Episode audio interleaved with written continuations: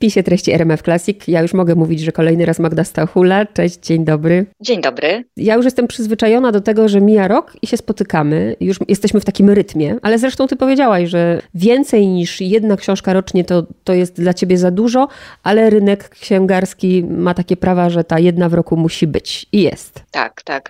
Moi czytelnicy czekają, więc ja e, staram się tą jedną książkę e, w roku, a nie ukrywam, że chciałabym dwie. Zobaczymy, co z tego w przyszłości wyjdzie. Odnaleziona to kolejny typowy dla ciebie oczywiście thriller w, nur w nurcie domestic noir, ale zanim o odnalezionej, to zróbmy porządek. Twoi fani to oczywiście wiedzą, ale mm, zróbmy porządek. Jest, mamy rok 2016. Idealna to dla ciebie ten moment twojej właśnie takiej kariery, kiedy ta książka staje się bestsellerem. Potem mam nadzieję, że dobrze pamiętam, bo to, tu jest takie zabawne, że druga książka tytuł nosi trzecia. Tak. Potem w pułapce oszukana, strach, który powraca i teraz odnaleziona. Dokładnie. I teraz w 2020 roku, jak się ostatni raz spotkałyśmy i strach, który powraca, to pamiętam, że zdecydowałaś się na kontynuację właśnie losów z idealnej, a teraz odnalezioną nawiązujesz do oszukanej. I pytanie pierwsze, dlaczego teraz decydujesz się na drogę kontynuacji cały czas? To jest tak podobnie jak w poprzedniej mojej książce czytelnicy pisali z prośbą o, o, właśnie o kontynuację, byli ciekawi, jak dalej potoczą się losy tym razem Leny z Oszukanej i pomyślałam, że podejmę to wezwanie i zabiorę moich czytelników tym razem do Kopenhagi, gdzie ukrywa się Lena. E, no i nie ukrywam, że to było dla mnie mm, bardzo ciekawe e, doznanie, znowu spotkać się z Leną. Zupełnie inaczej pisało mi się tą książkę niż Strach, który powraca. Myślę, że taki e, już jakby miałam przetarty szlak, jak to jest pisać kontynuację i tym razem było dużo łatwiej dla mnie. Bo pamiętam też, jak rozmawiałyśmy i ty mówiłaś, że nigdy nie znasz zakończenia książki, a przy strachu, który powraca już było inaczej, no bo trzeba było powrócić i żeby wszystko się zgadzało z tą idealną. I to też mnie ciekawi, no bo jak pisarz kończy, no zresztą sami pisarze mi mówią, musiałam sobie przeczytać książkę, bo to już było tak dawno temu, jeszcze droga od oddania do wydawnictwa, do wydania jest długa. Musiałaś sobie Oszukaną przeczytać? E, tak, przeczytałam Oszukaną chyba dwa razy, raz przesłuchałam wersję audiobooka, natomiast teraz pisząc Odnalezioną nie znałam zakończenia, więc e, tutaj to było mi jakoś takie nie, nie bardzo potrzebne, wolałam pójść na, na tak, wiesz, na żywioł e, i, i to się sprawdziło. Wiedziałam tylko, że będą bohaterowie, dodałam nową bohaterkę, tajemniczą Annę, e, ale tutaj był ten sam styl jak w poprzednich książkach, że zakończenia nie znałam. Mhm. Teraz e, wiadomo, że zaznaczasz, co się wydarzyło w tym nazwę to poprzednim życiu Leny, że nie trzeba jakby czytać oszukanej, żeby zrozumieć e, odnalezioną. Powiedz kilka słów o Lenie i powiedz, co się w tej Lenie zmieniło. Lena z oszukanej ucieka do Kopenhagi i na tym właściwie kończy się książka. Tutaj mamy nowe otwarcie udaje jej się znaleźć bezpieczną, jak mnie ma, kryjówkę w domu starszej pani mm, i pewnego dnia zauważa, odnosi wrażenie, że ktoś ją obserwuje, myśli, że być może to potrzeby jej zalęknionej e, duszy, wyobraźnia pracuje, ale zauważa kobietę, która ją obserwuje, gdy ona jest na balkonie. No i y, zadaje sobie pytanie, czy ona ją odnalazła, czy przyszła ją przed czymś ostrzec, więc tutaj lawina myśli e, w głowie Leny. Bohaterka dojrzała, jest silniejsza, zaczyna budować swoje życie, aczkolwiek ta przeszłość e, się za nią ciągnie i, i te demony powracają, więc nie jest wcale łatwo Lenie. No i zakończenie tej książki też myślę, że dla czytelników będzie intrygujące. Zaczęłam się zastanawiać, a co, zapytam z grubej rury, będzie kontynuacja odnalezionej? Wiesz, nie, nie mówię nie i nawet mam w planach, ponieważ bardzo dużo dostaję maili od czytelników, e, co dalej, co dalej z Leną kompletnie nie myślałam, że to będzie trylogia, że piszę tą historię, jak pisałam Oszukaną, myślałam, że to będzie po prostu pojedynczy thriller.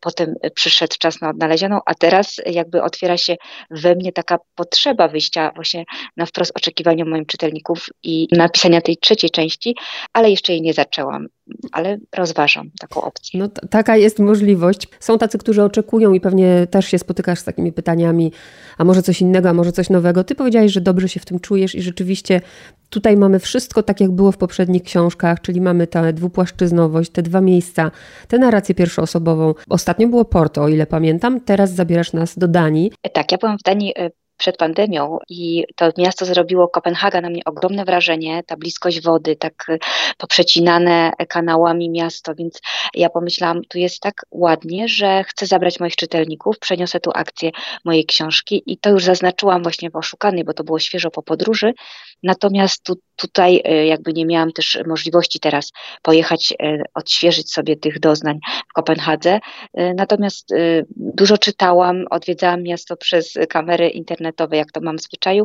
Mam też takiego zaprzyjaźnionego przewodnika po Kopenhadze i on mieszka tam od ponad 40 lat, wskazał mi miejsce zbrodni, więc to dzięki niemu wiedziałam, gdzie położyć trupa.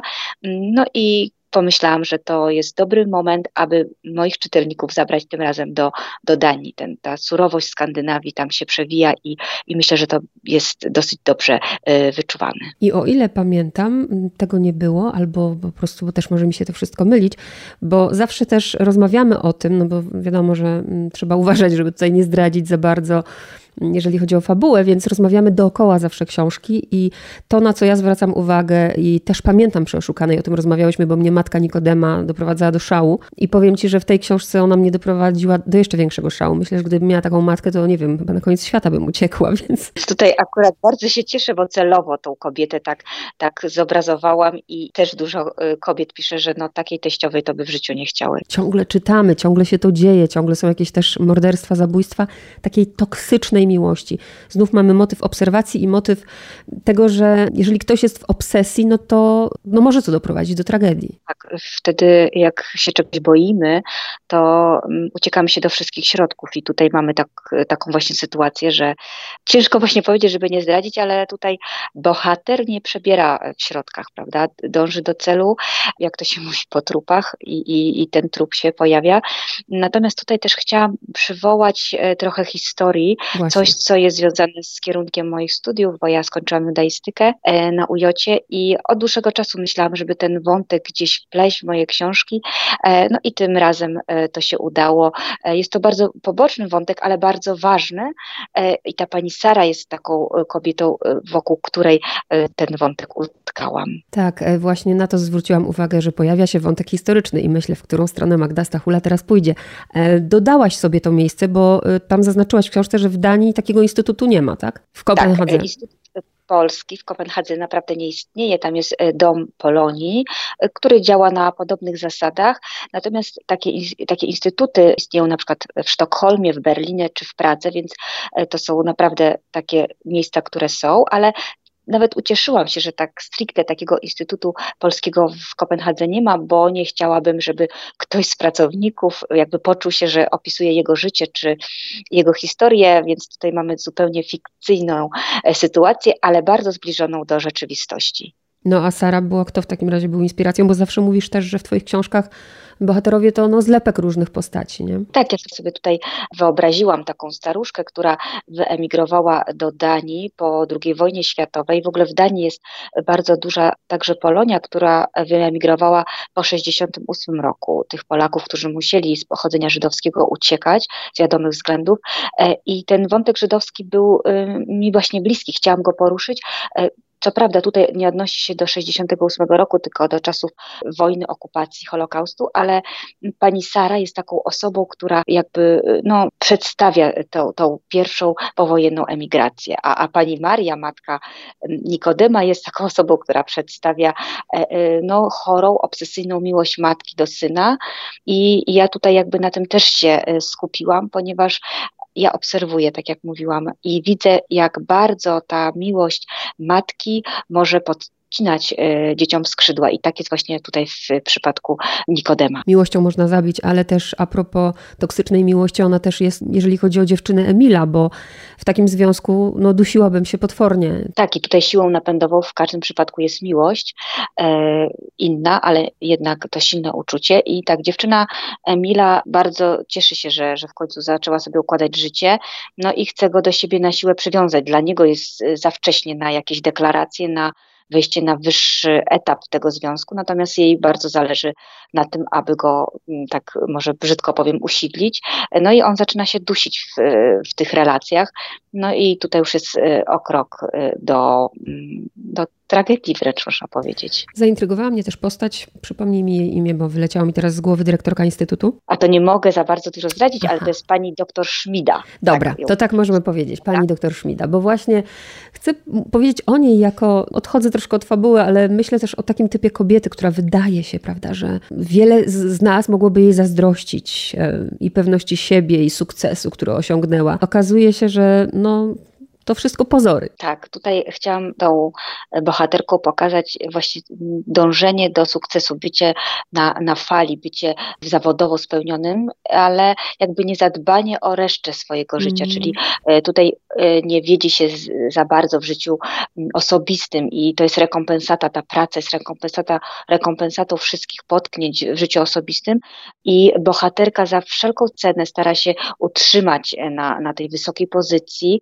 e, właśnie swoim kosztem i mm, kosztem e, swoich uczuć, swoich emocji i to nie jest dobre, więc e, e, zawsze wszędzie w życiu liczy się równowaga i tutaj pani dyrektorce tego Instytutu Polskiego w Kopenhadze tego zabrakło. No i tutaj ten finał także nie będzie pomyślny dla niej. Wróciłaś też troszkę nad Jezioro Powickie. Tak. No i mamy ten motyw obserwacji. Wtedy Lena była obserwowana w tej, w tej głuszy, można powiedzieć, zupełnie inny, a teraz schowała się w przeogromnym mieście. Wydawałoby się, że w tak dużym mieście no nie ma nic łatwiejszego, żeby się schować, a okazuje się, że to jest. Nie, mo, nie można się schować. Tak, tutaj nie można jakby uciec przed samym sobą, bo e, Lena e, ukrywa się w Kopenhadze, sądzi, że anonimowe, ogromne miasto jest świetnym wyborem, natomiast e, te demony przeszłości cały czas powracają i jej wyobraźnia pracuje na najwyższych obrotach i jeżeli my sobie nie poukładamy czegoś w wyobraźni, w, w naszej głowie, to, to wtedy no, musimy ze sobą żyć codziennie przez 24 godziny, więc od siebie samych nie możemy uciec i to jest dla niej dużym ciężarem, bo ona widząc kogokolwiek na ulicy, kto e, skupia na nie uwagę, już czuje, że być może ta przeszłość ją dopadła. No wiadomo, jakby nie miała takich podszeptów podświadomości, to by e, jej życie zupełnie inaczej wyglądało. Ona jest ostrożna, ona jest czujna, bo do tego zmusiło ją życie, to co się stało w przeszłości, co pokazałam w Oszukanej, jedna niewłaściwa znajomość i lawina nieprzyjemnych zdarzeń wciąga ją w swoje tryby, no więc e, wcale nie jest łatwo uciec przed samym sobą, a przeszłość się za nami ciągnie, czy tego chcemy, czy nie. Dla mnie na początku wydawało mi się to mocno naciągane, ale później pomyślałam, że przecież coś takiego mi się też przytrafiło E, w małym miasteczku się nie widziałam z koleżanką jak długi rok, a spotkałyśmy się, nie wiem, na Sopockim Molo. Bo wiesz o co mi chodzi. Zawsze sobie zadaję pytanie, przypadek czy przeznaczenie, że jak to możliwe, że Emil nie wie, gdzie pojechała Lena, a trafia to, do tego samego miasta. Tak, tam jest w, w zakończeniu oszukanej taki właśnie jakby przypadek, albo jak mówimy przeznaczenie, ta propozycja e, tego kontraktu ze szpitalem kopenhaskim i Emil e, w oszukanej jeszcze nie wyjaśniłam, czy podejmuje to wyzwanie, ale odnaleźć widzimy, że także zaczął pracę w Kopenhadze, w, w której już e, się ukryła wcześniej Lena, no i w ślad za Leną wyrusza mm, obłędnie zakochany w niej Nikodem, więc znowu bohaterowie spotykają się, w tym razem właśnie w Kopenhadze, no i dochodzi jeszcze jedna tajemnicza bohaterka, o której tutaj za wiele nie powiemy, żeby nie zdradzić czytelnikom przyjemności mm -hmm. czytania. Tak, tak. Scena przy barze bardzo mi się podobała. Tu mnie właśnie, no to był fajny pomysł, a jeszcze szukam zawsze czegoś dookoła i pomyślałam, że ta Lena, no w ogóle jest taka jakaś niepoukładana, nieszczęśliwa, a z drugiej strony, jakie to trzeba mieć szczęście, słuchaj. W Kopenhadze, w centrum wynajmuje mieszkanie, dostaje taką pracę, opiekuje się panią Sarą, która jest, ma własny pokój, ma świetne wynagrodzenie, nie? czyli można powiedzieć, no marzenie. Pokazujesz tę pracę opiekunki jako coś cudownego. Tak, bo y, wiesz, tutaj chciałam pokazać właśnie, że dużo też Polaków, dużo Polek głównie wyjeżdża do pracy za granicę, e, niekoniecznie do Danii, ale powiedzmy do Włoch czy do Niemiec, opiekować się starszymi emerytami, e, ludźmi, którzy potrzebują tej pomocy całodobowej. I wiesz, ja dużo czytam, ja obserwuję, nawet w samolocie rozmawiałam kiedyś z takimi kobietami, które opiekowały się Włoszkami, jechałam wtedy do Turynu i dla nich to była bardzo przyjemna praca, bo mówiły, że czują się potrzebne, bardzo dobrze też płatne, mogą pomóc rodzinie w Polsce i ja pomyślałam, jak szukałam tej, tego przyczółka dla Leny w Kopenhadze, pomyślałam tak, ona będzie miała taką pracę opiekunki starszej pani. I ona też potrzebowała takiego schronienia, tego, takiego ciepła. Pani Sara jest bardzo pozytywną osobą, jest intelektualnie wręcz ta starość jej nie dotknęła, natomiast fizycznie bardzo, bo porusza się na wózku i to jest też, też dosyć ważne, że, że Lena jakby tutaj jest za nią odpowiedzialna w takim sensie właśnie opiekunki fizycznej i, i dlatego wybrałam tą, tą posadę dla Leny, i też tak jakby skrajnie pokazać, że ona ma aspiracje, żeby być tą fotografką, żeby troszeczkę inaczej żyć, ale ten moment, kiedy się może zatrzymać w swoim życiu, ukryć, jest dla niej właśnie, tak jak mówiłaś, bardzo wygodnym położeniem. Ta, ta kryjówka w centrum Kopenhagi, własny pokój.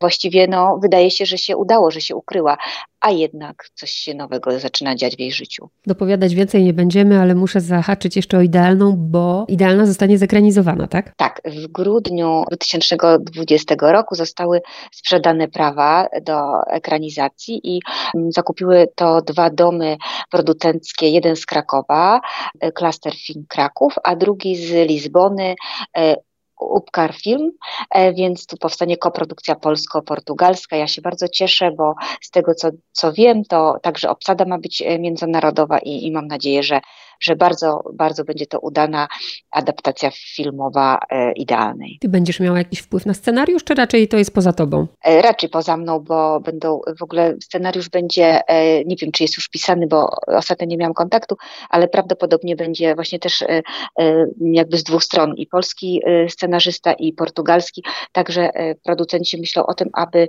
aktorzy byli także z obu państw, żeby ten film był atrakcyjny dla, zarówno dla widzów w Polsce, jak w Portugalii, e, ale, ale jeszcze tak dokładnych szczegółów nie znam. Myślę, że niebawem, jak ta pandemia zacznie troszeczkę wyhamu- wyhamuje, czy w ogóle się zakończy, to już będzie jakieś, e, będą do mnie docierać szczegółowe informacje. Popatrz, pięć lat od 2016 roku i zostanie zekranizowana Twoja książka. Jak Ty się z tym czujesz? To jest, e, to jest, wiesz, to jest dla każdego autora szczyt marzeń. Ekranizacja to jest coś takiego, na co nie ukrywam, czekamy. I też jestem ciekawa, jak to wyjdzie, jak coś, co powstało e, pięć lat temu w mojej głowie, nagle zyskuje wymiar e, na początku w tej książce, a teraz e, na ekranie wielkich, czy w kinie, czy, czy nawet w telewizji, i że jacyś ludzie wcielą się w moich bohaterów, których ja stworzyłam w swojej wyobraźni. No, no, dla mnie to jest coś niesamowitego i, i, i bardzo się cieszę.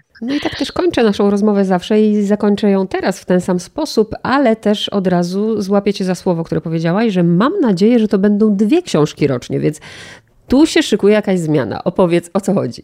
E, tak, znaczy tutaj już zdradzę, że teraz pracuję nad czymś, co jest troszeczkę inne, e, także w tym nurcie takim z dreszczykiem, ale dla dzieci, dla dużo młodszego czytelnika, więc powstaje taka powieść lekko detektywistyczna, przygodowa e, i właśnie teraz ją piszę, więc e, tutaj mam nowe wyzwanie. Natomiast tak, planuję, że będą dwie książki rocznie, czy to właśnie jeden thriller, a drugi jakiś taki inny gatunek, bardzo podobny, ale mimo wszystko coś innego.